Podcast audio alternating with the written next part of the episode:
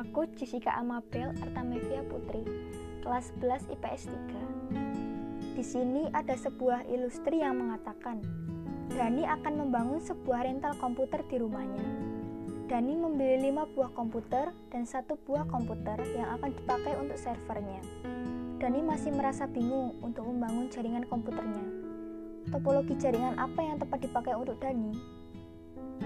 Topologi yang cocok digunakan untuk Dani adalah topologi star. Kenapa? Karena jumlah sudut topologi star ada 5 dan satu server. Sudut 5 bintang tersebut adalah klien dan bisa diatur dalam satu server. Karena sifatnya terpusat, jadi mudah untuk mengontrol.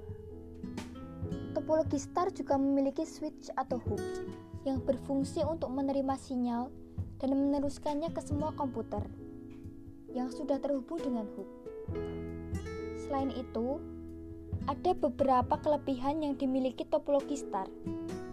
Antara lain, fleksibilitas tinggi, jaringannya mudah, akses kontrol terpusat, jarang sekali mengalami masalah.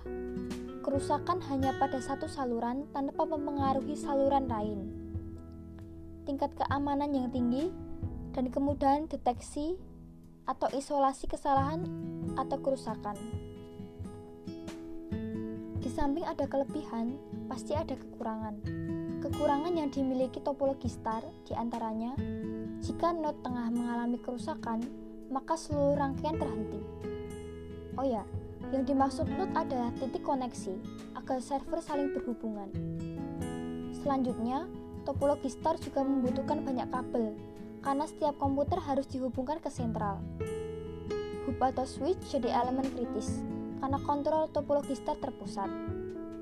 Peran hub sangat sensitif, sehingga jika ada masalah dengan hub, jaringannya akan down.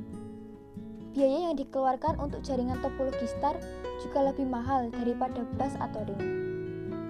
Jadi segitu aja penjelasan tentang topologi star. Terima kasih.